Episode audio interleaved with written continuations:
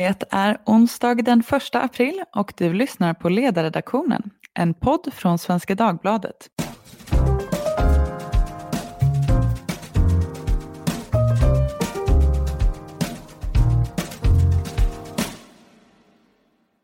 Jag heter Katarina Karkiainen och idag ska vi tala om krisåtgärder och räddningspaket till näringslivet. Många företag befinner sig i en svår situation nu till följd av coronaviruset i sig och de restriktioner som har införts med anledning av det. Regeringen har ju presenterat ett antal krispaket för att försöka underlätta under den här speciella tiden. Men det är inte alla som är nöjda. Vad är det för åtgärder som regeringen har tagit till? Är det rätt och tillräckligt? Och vad borde man annars göra eller inte göra från politiskt håll? Det ska vi diskutera idag och med mig för att prata om det har jag Torbjörn Holle, LO-ekonom. Välkommen! Tack så mycket! Och Jakob Lundberg, chefsekonom på tankesmedjan Timbro. Välkommen! Tack, kul att vara med. Innan vi drar igång så känner jag mig nödgad av dagens datum att fråga, har ni blivit lurade idag? Nej, och det har inte varit. Jag har knappt sett några aprilskämt idag. Det känns som att folk tycker att det inte riktigt är rätt tillfälle. Åtminstone i media, sociala medier har jag sett en del. Nej, Torbjörn? Jag, jag lurade min, eh, min sexåriga son i morse. Jag och min sambo lurade honom att, vi hade, att det hade att den var en råtta i lägenheten och så hade vi en liten historia kring detta som han tyckte var väldigt roligt. Så att, eh, ja, inte, jag har inte blivit lurad vad jag vet i alla fall, men däremot har jag sagt Ja, men det låter ju lite lagom faktiskt. Här ska vi i alla fall försöka hålla oss till sanningen nu. Regeringen har ju tagit fram ett par olika sådana krispaket för att råda bot på situationen och underlätta för näringslivet i den här svåra tiden. Eh, ibland tycker jag att det kan bli lite förvirrat under den här sortens diskussioner. Så först och främst vill jag gärna ha er hjälp och fråga vad är det som regeringen syftar till med de här krispaketen för företagen? Vad är det övergripande målet? Alltså, framförallt handlar det om att eh, livskraftiga företag, eller i grunden livskraftiga företag, inte ska gå i konkurs i onödan. Eh, vi vet att det, det finns väldigt mycket kapital och nätverk och kontakter i sådana här bolag. Eh, och det kan försvinna och liksom gå upp i rök om de här bolagen går omkull. Eh, och det vore ju väldigt onödigt om de är just i grunden livskraftiga. Så därför vill man liksom överbrygga den här tillfälliga kriser genom att skjuta in likviditet i de här bolagen eh, så att de överlever helt enkelt. Det är ju huvudsyftet. Ja, det är, jag skulle instämma i det. Alltså, det är någon typ av övervintring som pågår. Ju. Liksom både att, liksom, eh, att företagen ska övervintra och att de anställda som finns i företagen ska liksom gå hem, eh, åtminstone delvis, och sen komma tillbaka när allting börjar fungera igen. Och det finns väl ganska god eh, forskningsstöd för att den här strategin är den mest rimliga. Alltså om vi nu förutsätter, vilket vi får göra, att, att ekonomin ändå kommer normaliseras om några månader så skulle det bli väldigt kostsamt om, om företag slogs ut och, eh, och eh, löntagare behöver söka sig till nya företag. Inte för att de gamla företagen alltså var strukturellt bedrev strukturellt felaktig verksamhet utan, för, utan just på grund av krisen. Så jag tror att, eh, och vad jag uppfattar så genomför alla länder den här typen, alla länder har den här typen av inriktning, alltså övervintrings inriktningen. Ja, man har ju sett att eh, en del har velat jämföra det här med andra svåra ekonomiska perioder som vi har varit inne i och samtidigt att många har påpekat att den här situationen är speciell. Dels på grund av samverkan mellan utbud och efterfrågan och dels för att det är en förhoppningsvis tillfällig situation. Mm. Och just att det är en, en chock på utbudssidan i ekonomin. Att när man, när man stänger ner samhället och stänger ner resande och så där så innebär det en, en minskad förmåga för, för samhället att, att producera. Det är inte så att det är framförallt en efterfrågechock att företagen och hushållen köper mindre utan det är just ekonomins produktionsförmåga som, som går ner. Um, och då gäller det att överbrygga det då, så, så att företagen kan starta upp igen sen när det här är över förhoppningsvis om några månader delar av de företag som nu har problem i är ju företag, eller branscher kan man snarare säga, som, som, hade, lite, som, hade, som hade problem sedan tidigare. Eh, alltså det, är, alltså att, att flyg, jag menar, det är klart att flygbranschen, eh, de har ju, de, men de, de, är, de tillhör de branscher som är värst utsatta. Samtidigt så är det också en bransch som redan, redan sedan tidigare var väldigt konstigt på många sätt. Man hade, man hade väldigt lite liksom, eget kapital och man var placerade i konstiga liksom, skatteländer och, och haft problem på många olika sätt. Så att, så att jag tror egentligen att vi, vi kommer nog, det kommer nog, jag, jag tycker att när överbryggnings, övervintringspolitiken är riktig och nödvändig. Men, men, men eh, det finns naturligtvis strukturella inslag av detta också. Att, att vissa av de företag, de branscherna som har störst problem hade strukturella problem sedan tidigare. Samma sak naturligtvis med, med, med, med handeln i viss utsträckning. Alltså att det är klart att, att människor nu söker sig i snabb takt mot e-handel, eh, vilket man redan gjorde, gjorde sedan tidigare. Så det, liksom, där accentuerar det bara en strukturomvandling som redan var på G så att säga. Det är ju en balans här. Man vill inte att man ska rädda alla företag utan de, de som hade varit livskraftiga i andra fall. Ja, vi kanske får skäl att återkomma till hur det låter sig göra så att säga. Det här senaste åtgärdspaketet som regeringen presenterade, det togs ju fram för ett par dagar sedan eh, och innehåller bland annat en statlig lånegaranti och tillfälligt sänkta arbetsgivaravgifter. Är det här bra åtgärder skulle ni säga? Sänkta arbetsgivaravgifter tycker jag är en, en, en, bra idé. Just att man, givet att lönerna är oförändrade, vilket är ett ganska rimligt antagande på kort sikt, så, så får man ju in då pengar helt enkelt i, i bolagen. Eh, och ganska mycket pengar också. Och dessutom ger man incitament för företagen att behålla personal. Så, så det tycker jag är en, en klok åtgärd. Jag tycker då att eh, permitteringslösningar är egentligen mer träffsäkra. Så i dagsläget får man ju, får man ju permittera med statligt stöd på upp till 60 procent. Alltså, man kan, alltså, man, alltså den anställda kan gå hem 60, på 60 procent och sen betalar staten i princip det mesta av det. Jag tror att det egentligen hade varit bättre att utöka till eh, 100 procent. Alltså att staten tar typ, att den anställda går hem och så tar staten typ nästan hela kostnaden. Det är en mer träffsäker åtgärd. Även om väldigt många företag har problem i dagsläget så träffar ju en generellt sänkt arbetsgivaravgift även de delar som går bra. Och vi har, vi har, det, det, vi har trots allt sektorer som går bra, inte minst, inte minst livsmedelshandeln går ju bra till exempel. Så att, eh, ja, jag har inga stora invändningar mot förslaget egentligen. Jag tror att det var nödvändigt att göra den här arbetsgivaravgiftssänkningen, men jag tror att man ska inte göra mer sådana grejer, utan, utan nu ska man försöka rikta sig just till de företag och de branscherna som verkligen bär den största bördan och, och, det, och då, då, ska man inte göra generella sänkningar, utan då, då, ska man, då, då tror jag helt enkelt att plocka av löner för de företag som verkligen inte har någon, någon efterfrågan. Vad säger du om det resonemanget, Jakob? Håller du med? Ja, ja, jag håller med. Det finns en poäng att man, man kan se över utformningen för de här permitteringarna. Och det, det framställs ibland som att de här är väldigt generösa för företagen, men det är de ju inte. Det innebär ju en högre timkostnad för företagen. Om man, får, om man går ner i arbetstid med 60 procent så minskar kostnaden för företagen med 55 procent eller något sånt där tror jag att det är. Eh, och samtidigt som de anställda får, får behålla 92,5 procent av lönen tror jag. Det kommer inte Torbjörn hålla med om, men jag, jag, tycker det är lite väl generöst för, för de anställda. Jag ser, har svårt att se varför de här permitteringarna ska ge en bättre ersättning än a-kassan till exempel. Det finns ju två sätt att mäta. Alltså, att det, den är ju, både arbetsgivarna och, och arbetsgivaren avstår en, en några procentenheter. Mm, men, men vad Jakob säger är att det, i det fallet som, som man, den anställda går ner 60 procent och de här andra 40 procenten inte kan utföra någon vettig sysselsättning på arbetsplatsen, ja, då blir det en stor kostnad för, för arbetsgivaren. Men om vi förutsätter arbetsgivaren, i många fall så fortsätter ju den arbetstagaren att att genomföra en arbetsuppgift på de här 40 procenten. Eh, och då, då, då, då, då är det ganska jämnt skägg. Då tar liksom arbetsgivaren och arbetstagaren några procentenheter var.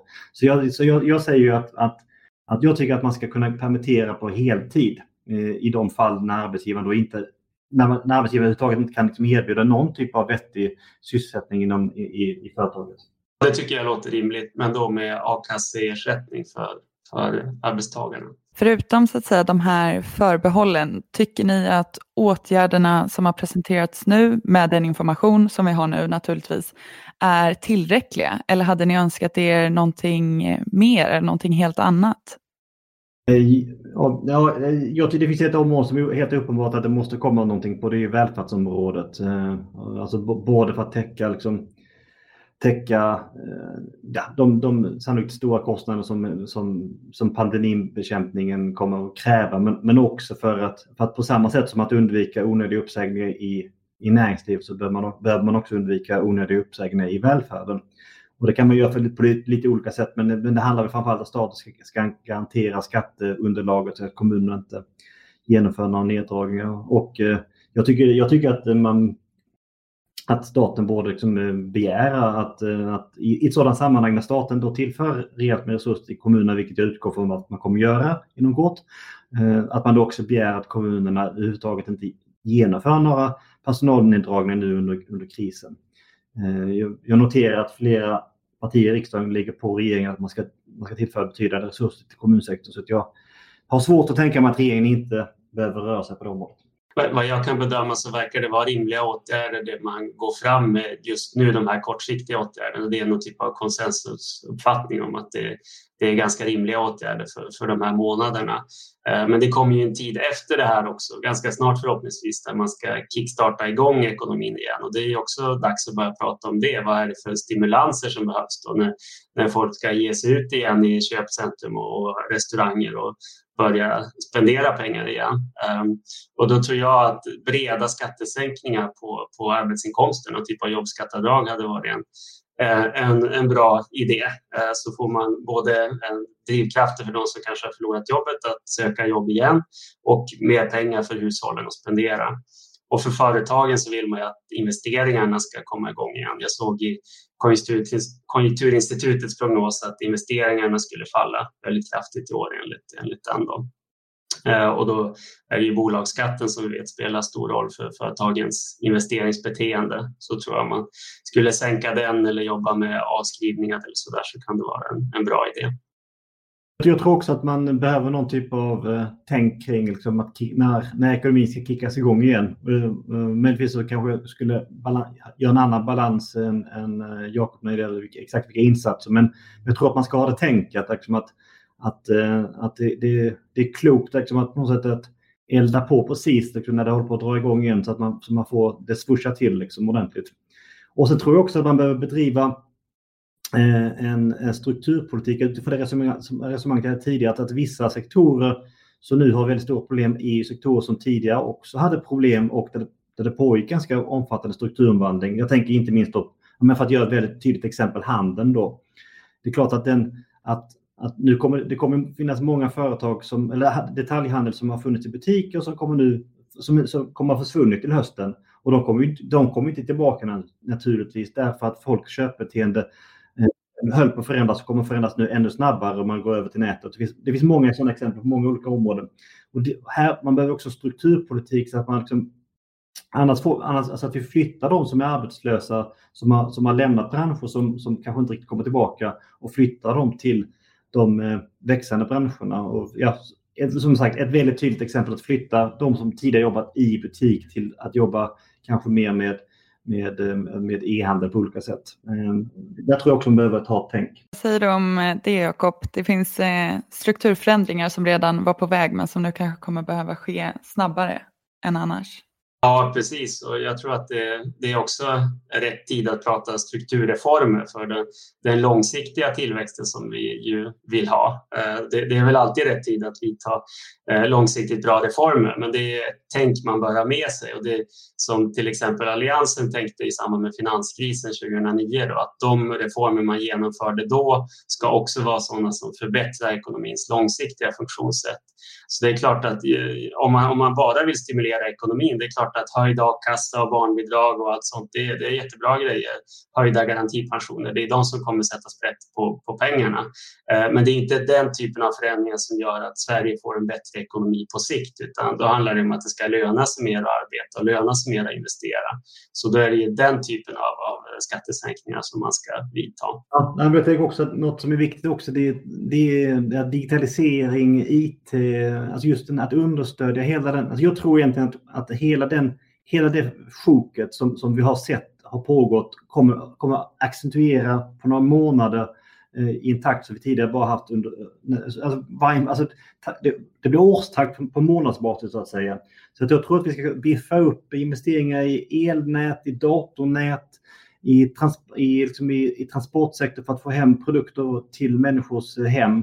För att, för att jag tror att vi, ja, min uppfattning är att det här kommer skynda på så mycket, hela omställningen av den svenska ekonomin. Hur vi handlar, hur vi konsumerar, hur vi reser. det, det kommer påverka på väldigt många sätt. Och så jag tror att det är klokt att rikta resurser till detta. Det handlar om utbildning, men det handlar också om investeringar i liksom, IT-nät och datornät och så vidare. Bara för att stanna vid eh, dagens situation eh, och den debatt som pågår nu lite grann. Eh, Svenskt Näringsliv har ju uttryckt en önskan om att företagen förutom det här då också ska få en viss räddningsersättning. Alltså företag som har fått minskad omsättning eh, med en viss procent ska få ersättning för vissa fasta utgifter, till exempel hyra. Eh, och den kan uppgå till från, från 25 till 80 procent av kostnaderna, men högst 90 miljoner per verksamhet under den här perioden i mars, eh, april och maj. Man uttrycker det som att skattepengar från företagen måste återföras för att det ska finnas företag som kan betala skatt i framtiden. Vad tänker ni om det här? Alltså jag har svårt att uttala mig om utformningen av enskilda förslag. Rent principiellt så, så måste man föra in likviditet i bolagen. Sen kanske det, det, är bättre att göra det som lån snarare än som, som gåvor så att säga. Men det, det finns ju problem med, med lån också. Den här likviditeten som, eh, eller kreditgarantin som regeringen har, har genomfört och de här eh, uppskjutna skattebetalningarna, det är 6-7 procents ränta och så där. Då kan man ju diskutera räntesats och så vidare. Men, eh, men rent principiellt är det ju eh, det, det är pengarna helt enkelt det handlar om. Att företagen inte ska gå omkull. Jag tänker, jag tänker att man ska, man, ska, man ska vara väldigt praktisk och väldigt eh, pragmatisk i det här läget. Men generellt så, tror, så tror jag att huv, den huvudsakliga uppgiften tror jag ska vara att lyfta av lönekostnader.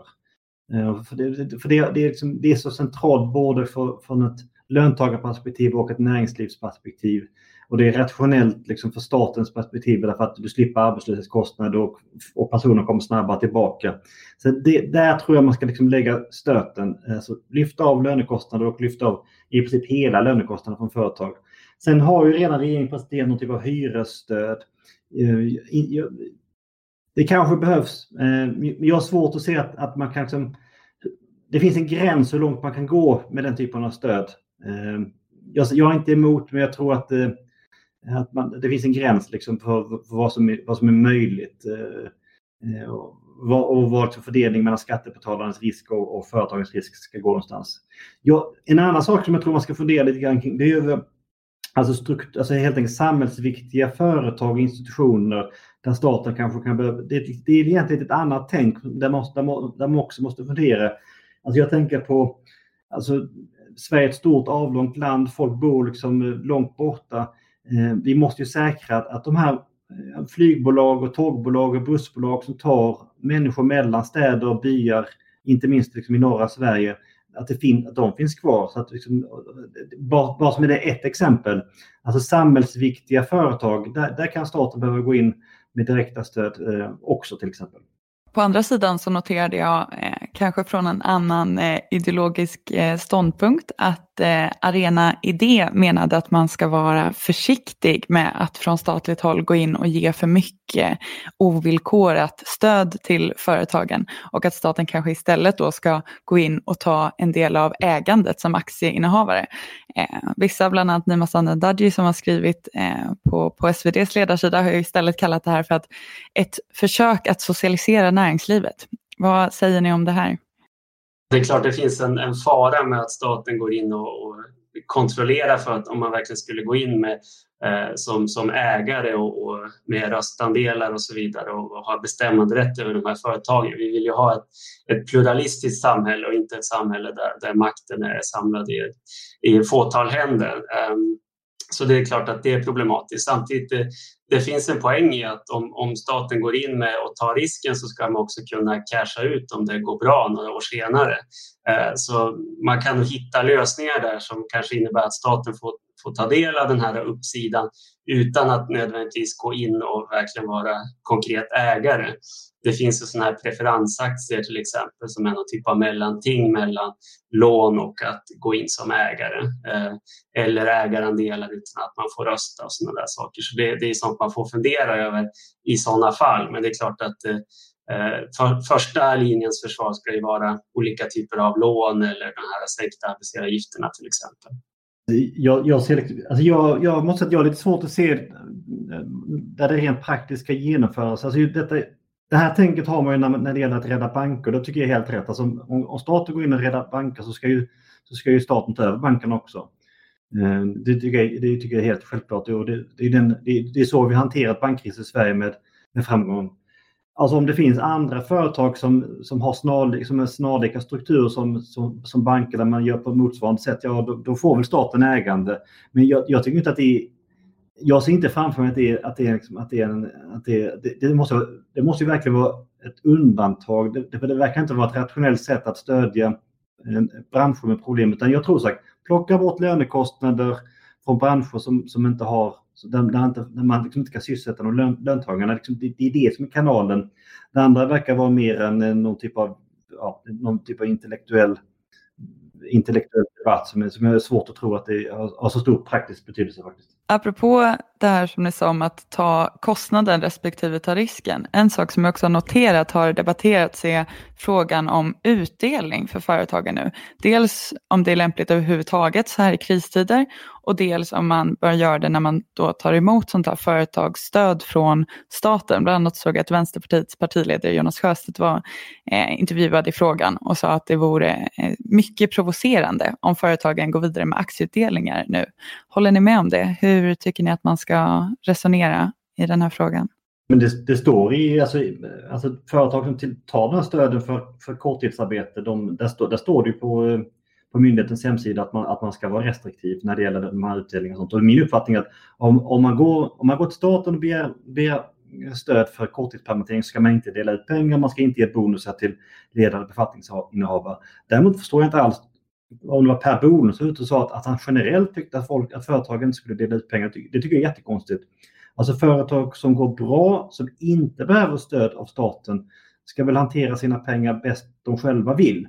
Men den dagen man begär stöd av staten, antingen direkt eller indirekt, så tycker jag att det är högst rimligt att man, att man, att man behåller pengar i företaget och bygger upp sitt eget kapital. Det, det, det tycker jag är väldigt, väldigt okomplicerat. Ja, det var lite oväntat. Jag håller med Torbjörn helt här. Jag tycker det är en, en, rimlig inställning att om det är så att man ser att, att i nuläget har man lite skralt med kapital eller att man är i en sån bransch. Bankerna skulle kunna vara ett sådant exempel där man riskerar att behöva kapitaltillskott i framtiden från ägare eller, eller från staten. Eh, då är det klart att då ska man inte göra några utdelningar nu. Men när det gäller sunda och, och, och, solida företag, då är det upp till ägarna vad de vill göra med sina pengar. Om, om, antingen delar man ut vinsterna nu eller så låter man dem ligga kvar i bolaget. Men det är fortfarande ägarnas pengar och det kommer ju komma dem tillhanda någon gång i framtiden genom utdelningar då eller genom att aktien går upp i värde helt enkelt. Ehm, däremot det här med permitteringarna, jag tycker nog att företag som permitterar, om de är livskraftiga ändå så, så, är, så kan de få dela ut pengar. Eh, det beror lite på vad som är anledningen. Det kan ju vara så att man ser en anledning att, att pausa produktionen utan att man för den skull har, eh, är på väg att gå omkull. Eh, och då, då är det väl fritt fram att dela ut tycker jag. Det, tycker jag inte då. Alltså, om, man, om, man, om man tar emot permitteringsstöd så, så, tycker jag det, så tycker jag absolut inte man kan dela ut pengar. Utan, eh, utan eh, då, får man, då får man avvakta och pengarna finns ju kvar i företaget. Om det visar att, att det är en mer tillfällig kris och att, eh, att företaget är up and running igenom några månader så har man möjlighet att dela ut det vid ett annat tillfälle. Utan, eh, går, man, går man till staten och begär miljardstöd i permitteringar som då kommer gälla för några storföretagen så, så, så Nej, då, då, då, får man, då får man pausa utdelningarna. Jag ser permitteringarna mer som en typ av stöd till de anställda. Att det är en, en kortsiktig a-kassa egentligen om det är så att de, de anställda faktiskt går hemma. Eh, så då, då, är det egentligen inte ett stöd till företagen utan mer en, en möjlighet att, att pausa produktionen ett tag och, och då får man ju inga arbetstimmar för, för, pengarna heller och sen så kan man starta upp igen efter några månader. Vi behöver alldeles strax runda av och jag vill bara fråga om ni har något sista medskick som ni vill eh, skicka ut i den ekonomiska eten. Det är väl bara att fundera på vilka reformer som, som behövs i och med de här stimulanspaketen som nu ska utformas. Det är viktigt att man tänker igenom dem och när, när ekonomin ska, ska stimuleras, vad är det för reformer som gynnar ekonomin på både kort och lång sikt? Ja, och för min, för min del, alltså på kort sikt tror jag sagt att, att det handlar om nu att trygga eh, vård och omsorg, att det finns ordentliga resurser till vård och omsorg. Det är, liksom, det är prio ett naturligtvis. Och sen, på, och, sen på, och sen på lite längre sikt att börja fundera över vilka liksom, strukturreformer som vi kan genomföra så att vi inte får så att vi inte liksom går in i en situation med där ekonomin vänder upp men arbetslösheten fortsätter vara hög utan att vi genomför kloka, struktur, kloka strukturformer som, som flyttar människor till de nya jobben. Det tror jag är bra för Sverige. Med det sagt så får vi lov att avsluta för idag och jag får lov att säga stort tack till Torbjörn Holle och Jakob Lundberg för att ni ville vara med i podden idag. Tack så jättemycket. Tack också till er som har lyssnat. Eh, om ni har några frågor eller idéer på saker som vi borde prata om så får ni som vanligt jättegärna höra av er till ledarsidan svd.se. Tack för idag. Hej då!